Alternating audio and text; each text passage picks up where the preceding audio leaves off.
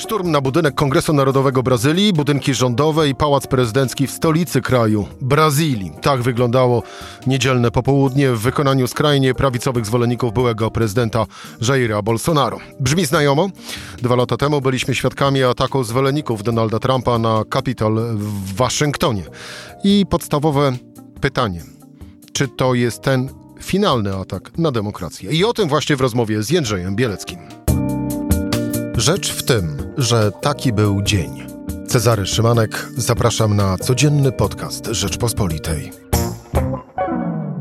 Dziewiąty dzień stycznia, poniedziałek, Jędrzej Bielecki, dział zagraniczny Rzeczpospolita. Jędrzej, dzień dobry. Dzień dobry. Wpierw e, z taki newsowy obowiązek. Zamieszki w Brazylii, stolicy Brazylii, zaczęły się w niedzielne popołudnie. Około 4 tysięcy zwolenników byłego prezydenta Jaira Bolsonaro przedarło się przez policyjny kordon i wtargnęło do położonych obok siebie budynków rządowych. Kongresu Narodowego, czyli brazylijskiego parlamentu, Sądu Najwyższego i Pałacu Prezydenckiego. Tłum protestujących, ubrany w narodowe barwy, dokonał znacznych zniszczeń mienia w budynku Kongresu Narodowego, co udokumentowały nagrania wideo opublikowane w mediach e, społecznościowych. Tłum, który wdarł się do budynków rządowych, oskarżał prezydenta Lula o korupcję oraz twierdził, że wybory prezydenckie, w których Lula tylko niewielką przewagą głosów wygrał z Bolsonaro, zostały zmanipulowane. Od e, chwili właściwie już ogłoszenia o wyniku wyborów, czyli w październiku, od października ubiegłego roku, zwolennicy byłego prezydenta organizują protesty i wzywają do przeprowadzenia zamachu stanu. Ten wczorajszy niedzielny szturm jak już wspomnieliśmy na początku, przypominał atak na Kapitol, który w styczniu 2021 roku w Waszyngtonie przeprowadzili zwolennicy Donalda Trumpa, którzy negowali zwycięstwo Joe Bidena. Tyle y, newsowego y, obowiązku, czyli przypomnienia, jak to wczoraj w niedzielę y, wyglądało, ale faktycznie to Jędrzej narastało od października, bo te demonstracje zwolenników Bolsonaro, one wcale z dniem porażki ówczesnego e, prezydenta, te demonstracje nie ustały. I zanim o dniu wczorajszym, czyli o niedzieli, to kilka zdań o owych demonstracjach. Dlaczego nie ustały? No bo plan był następujący. Otóż y, ci manifestanci, manifestanci y, chcieli doprowadzić i sprowokować armię. Y, te, te, te manifestacje odbywały się przed siedzibą sztabu generalnego w Brazylii. Plan był taki, jeżeli one nabiorą na sile i przede wszystkim jeżeli się rozszerzą, rozleją na cały kraj, na São Paulo, na Rio, y, São Paulo miasto 30-milionowe, y, no to wówczas y, armia, taki był plan, ogłosi stan wyjątkowy, no odsunie Lulę od, od, od władzy, no i po prostu wymarzony scenariusz nastąpi, mianowicie Lula nie będzie prezydentem. Na to złożyło się również to, że sam, y, sam Lula, jego koncepcja y, władzy jest taka, czy do tej pory była taka, bo już teraz to się zmienia, że chce on wprowadzić, chce on doprowadzić do pojednania, zasypania tej, tej, tej przepaści między zwolennikami i przeciwnikami y, Bolsonaro, do złagodzenia tej polaryzacji. No i przez wiele tygodni nie reagowano po prostu na te manifestacje. Oczywiście do 1 stycznia Lula nie był formalnie prezydentem, wygrał 30 października wybory, ale Urzędowanie. Urzędowanie, czy jak gdyby inauguracja nowego, nowej głowy państwa tradycyjnie w Brazylii odbywa się 1 stycznia, no ale nawet później y, te manifestacje trwały i y, zapowiadano przez internet, że będą y, one znacznie większe w niedzielę i nic nie zrobiono. W tej chwili trwa debata, kto jest za to winien. Na chwilę postawmy tu kropkę i wróćmy jeszcze do tych trzech miesięcy od wyborów prezydenckich w Brazylii. Za tymi manifestacjami stał kto? Czy to Bolsonaro i jego ludzie je organizowali i mm, a, organizowali tłum, finansowali wszystkie manifestacje, czy też ktoś inny? I tak, i nie. Dlaczego tak? Dlatego, że Bolsonaro przez wiele miesięcy, w zasadzie lat przed tymi wyborami, mówił, że te wybory są sfałszowane na pewno, jeżeli on przegra. Nie wiem, czy to brzmi znajomo ci, jeśli chodzi o brzmi, Polskę. Już to też od y, wielu lat. Z ust pewnego polityka słyszeliśmy na mównicy sejmowej, Jarosław Kaczyński też nie zawahał się, by użyć takiego sformułowania, że, cytuję, mamy pewność, że te wybory zostały sfałszowane. Koniec cytatu. Więc jak gdyby ci ludzie, Bolsonaro przez te wszystkie lata wmawiał ludziom, że jeżeli przegra, to te wybory będą no właśnie sfałszowane, że Lula jest uzurpatorem i, i to jest, i on jest w tym sensie odpowiedzialny za, za, za ten wynik. Dalej, w momencie, kiedy przegrał przez wiele dni, nie chciał uznać tej porażki, dopiero kiedy okazało się, że armia, yy, szef, przewodniczący Senatu, przewodniczący Izby Niższej Parlamentu i przede wszystkim cały świat uznają Lulę, dopiero wtedy powiedział, że zgadza się na rozpoczęcie procesu przekazywania władzy. Nie uznał... Było właśnie, było takim zawoalowanym uznaniem e, nowego prezydenta. No nie wiem, czy znowu ci brzmi znajomo w momencie, kiedy prezydent Biden wygrał wybory. Przypominam, że po wielu, wielu dniach prezydent Duda pogratulował mu udanej kampanii wyborczej, więc to chyba też dosyć znajomo brzmi. Y, no i potem y, Lula wyjechał znowu tradycyjnie, y, powinien był uczestniczyć 1 stycznia w inauguracji nowego prezydenta, nie zrobił tego, wyjechał do Orlando. Wersja taka pozytywna dla niego to jest, że chciał uspokoić nastroje. Mniej pozytywna jest taka, że ciążą na nim wiele zarzutów prokuratorskich, że może trafić do więzienia i po prostu woli na razie w Brazylii się nie pojawiać. Ale nie Więc odpowiedziałeś mi na pytanie. Właśnie to przechodzę do tego w tej chwili. Bezpośrednio nie ma dowodów na razie, bo to jeszcze oczywiście trwa śledztwo, że y, organizowali jego ludzie tą manifestację, czy finansowali. Mało tego, w momencie, kiedy zobaczył, że to już jest kompletna porażka, no to wtedy na Twitterze napisał, że została przekroczona pewna czerwona linia przez tychże manifestantów, że y, nie można szturmować budynków publicznych i że jak gdyby w jakiś tam sposób się odcina, ale po pierwsze on stworzył warunki do tej manifestacji, a po drugie, no powtarzam, trwa śledztwo na temat bezpośrednich powiązań. Mam poczucie, że jednak nie odpowiedziałeś na pytanie, bo, y, bo to akurat dla y, całego ciągu, y, ciągu tych wydarzeń y, zdaje się być na chwilę obecną kluczowe. Czy to Bolsonaro sam z siebie aktywizuje mm, i, i podżega swoich zwolenników do takich, a nie innych działań, czy też nie działa w pojedynkę i z pomocą kogoś. A jeżeli kogoś, to kogo? To jest trochę sytuacja podobna do Stanów Zjednoczonych, dlatego że prezydent Trump, zanim nie komisja, komisja kongresu nie jasno, czarno na białym po przesłuchaniu przyszło tysiąca świadków nie pokazała, jaka była jego rola, też miał dwuznaczną pozycję w tej sprawie. Dlaczego Bolsonaro zajmuje taką pozycję? No dlatego, że jego poprzednicy, między innymi Lula, przez 19 miesięcy był w więzieniu, y, Dilma Rousseff została odsunięta od władzy, więc on doskonale wie, że wymiar sprawiedliwości Brazylii jest na tyle niezależny, nie zdołał go zniszczyć, że po prostu on może trafić za kratki, jeżeli powie za dużo. Więc on po prostu lawiruje i nie mówi jasno, że jak gdyby tym kieruje, tym ruchem i tak dalej. Natomiast powtarzam z całą tutaj jak gdyby stanowczością, on jest w tym sensie za to odpowiedzialny, że stworzył poczucie jak gdyby nie, nie, nie, nie uzna, poczucie wątpliwości wobec instytucji państwa, y, a w szczególności procesu wyborczego. Ja, ja, ja tylko powiem w dwóch słowach, jak ten proces wyborczy wygląda. Mówimy o państwie wielkości Europy, w którym wyniki wyborów w momencie, kiedy jest noc wyborcza, spływają w ciągu paru godzin. Coś, co Polska nigdy nie osiągnęła. System elektronicznego głosowania, y, który jest niesłychanie sprawny, certyfikowany przez międzynarodowych obserwatorów i który nie pozostawia żadnych wątpliwości co do jego skuteczności. Zresztą w momencie, kiedy, y, kiedy Lewica w 2018 roku przegrała, sam Lula nie mógł startować, bo właśnie był w więzieniu, no to wtedy, wtedy nie było wątpliwości co do tego, że sam Bolsonaro w oparciu o ten sam system y, po prostu jest prawowitym y, prezydentem. No ale wtedy, wtedy wygrał, a teraz przegrał, więc jak przegrał, no to system, choć dobry, jest zły. Niezmieniony. To też skądś znamy. Niedziela za nami. Mm, I szturm na e, rządowe budynki, e, Pałac Prezydencki i gmach parlamentu e, również za nami, a właściwie za tym światem politycznym Brazylii. Mm, ale wybiegnijmy w przyszłość. To ostatni tego typu atak, czy tak naprawdę to jest początek większej akcji?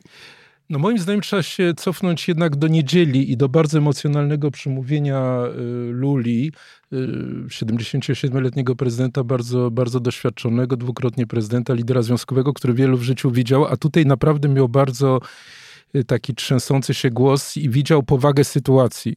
Y, I nazwał y, ludzi, którzy, którzy dopuścili się tego czynu, powiedział, że to jest sytuacja bezprecedensowa w historii Brazylii, faszystami i wandalami. I ja się absolutnie z nim zgadzam, że to jest moment, kiedy trzeba po prostu powiedzieć jasno, z kim mamy do czynienia, nie tylko w Brazylii, jeżeli są to ludzie, którzy chcą po prostu złamać demokrację. Jeśli chodzi o faszyzm, no to, to, to jest to jasne. Jeśli chodzi o wandali, chciałem tylko opisać, jak wygląda Brazylia w dwóch słowach. No to jest stolica, która się zrodziła z takiego marzenia o kraju, w którym ma przejrzyste procedury demokratyczne, rządy państwa prawa i Oskar Niemeyer, wielki architekt, ją narysował w taki sposób, aby budynki, te, o których mówisz w tej chwili, te szturmowane, na przykład Palacio de Alvorada, siedziba prezydenta, to jest taki niezwykle lekki budynek przeszklony y, z taką kolumnadą, y, tak lekką, że ona ma przypominać y, kartkę papieru, taką ruszającą się na wietrze, żeby wszystko było widać, co się dzieje w środku. Stąd ta łatwość zdobycia ich. Mówię się o budynkach parlamentu. No, no, Izba niższa to jest taki jak gdyby spodek, który symbolicznie ma zbierać idee napływające z całego kraju, idee legislacyjne, natomiast Senat to, to jest odwrócony spodek, bo te idee mają taki mądry sposób być rozważane, być, być jak gdyby prze, no, przedebatowane, można powiedzieć.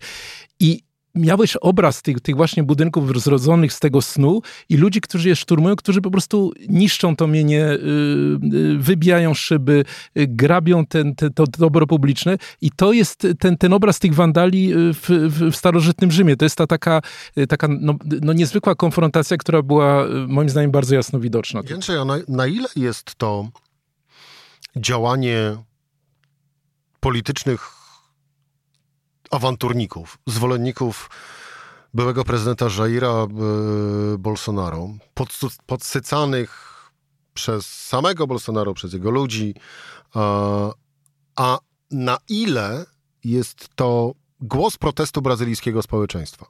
Znaczy, mówimy o społeczeństwie, które jest bardzo spolaryzowane.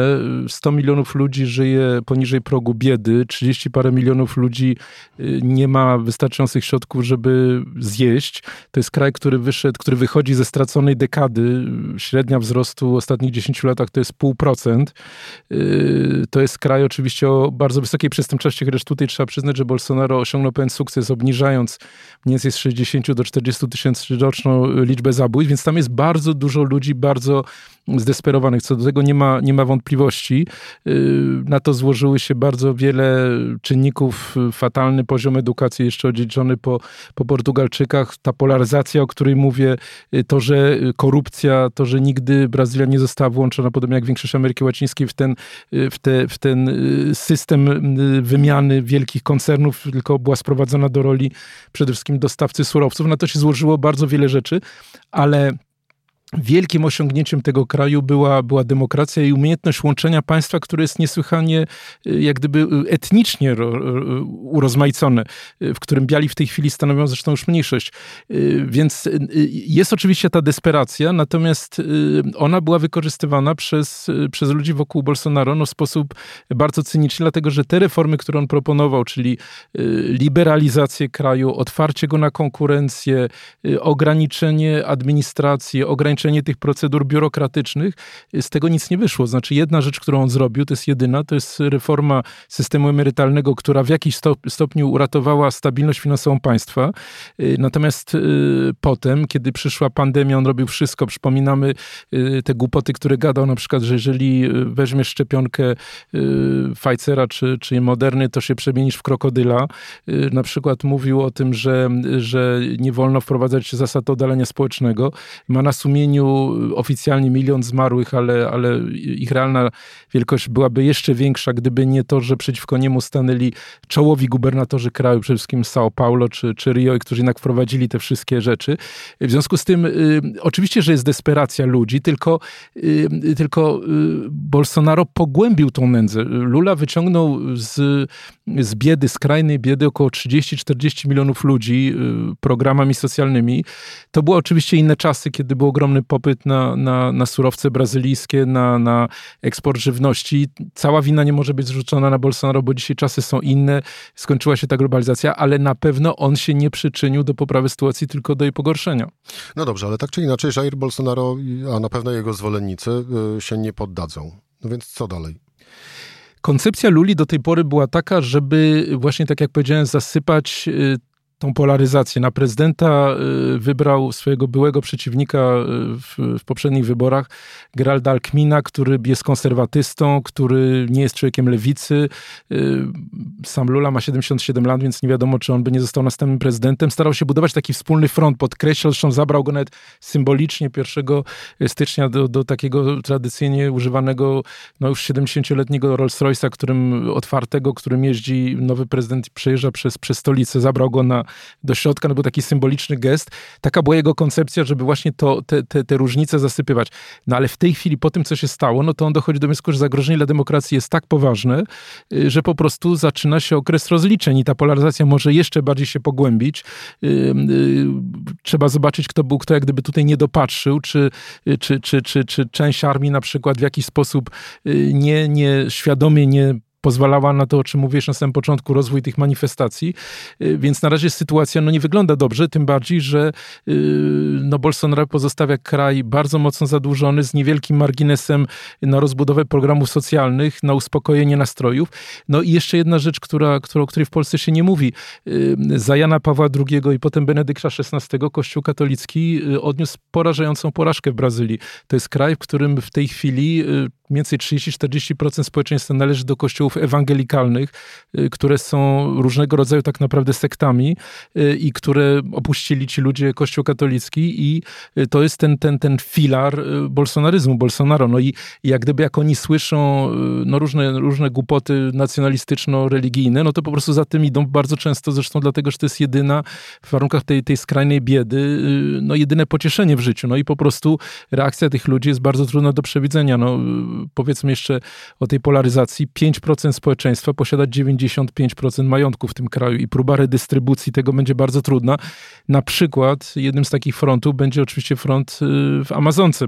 Bolsonaro y, zapowiedział, że, że wycinanie tego, tego, tego największego kompleksu y, lasów, lasów pierwotnych zostanie wstrzymane do końca dekady. W zeszłym roku za sprawą Bolsonaro wycięto 11 tysięcy kilometrów kwadratowych, czyli no mniej więcej tyle, co ma, co ma województwo polskie.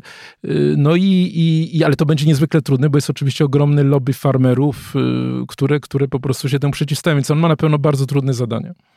To będzie prawdziwy test jego prezydentury tak naprawdę, no bo z tego, co jak mówisz, wynika, że mm, planowana mm, i gdzieś przez te pierwsze dni mm, stycznia prowadzona polityka y, grubej kreski po to, żeby no właśnie zasypać owe podziały, żeby jak najbardziej zmniejszyć ową polaryzację, no to polityka grubej kreski będzie musiała zostać zastąpiona przez politykę y, rozliczeń, no bo jeżeli nie zostaną winni y, rozliczeni, no to tak naprawdę y, będzie w Brazylii tak, jak jest, a nawet jeszcze gorzej.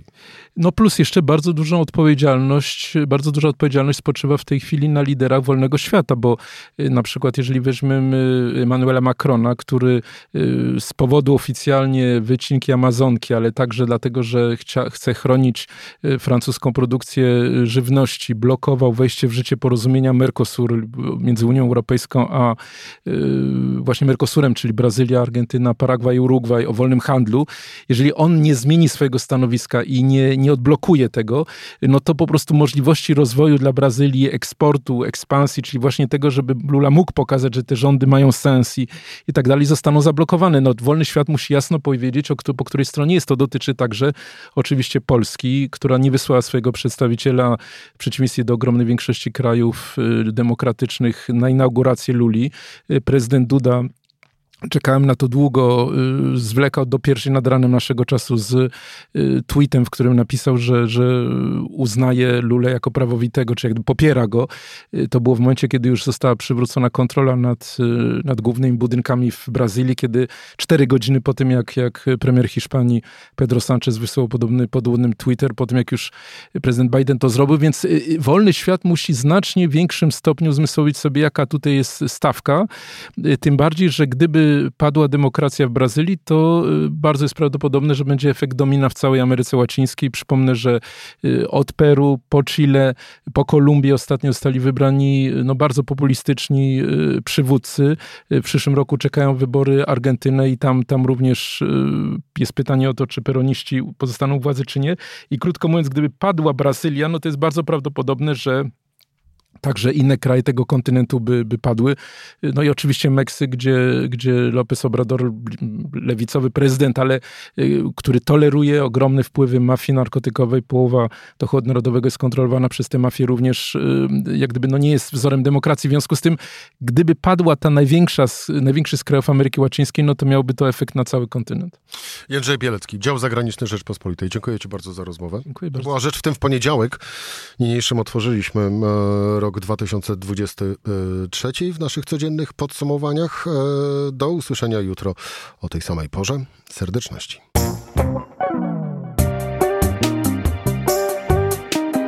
Rzecz w tym to codzienny program Rzeczpospolitej. Od poniedziałku do czwartku o godzinie 17.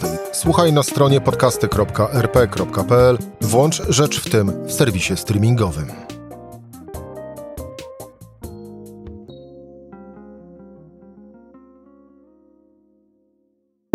Poznaj mocne strony Rzeczpospolitej. Wejdź na prenumerata rp.pl. Polecam. Bogusław Rabota, redaktor naczelny.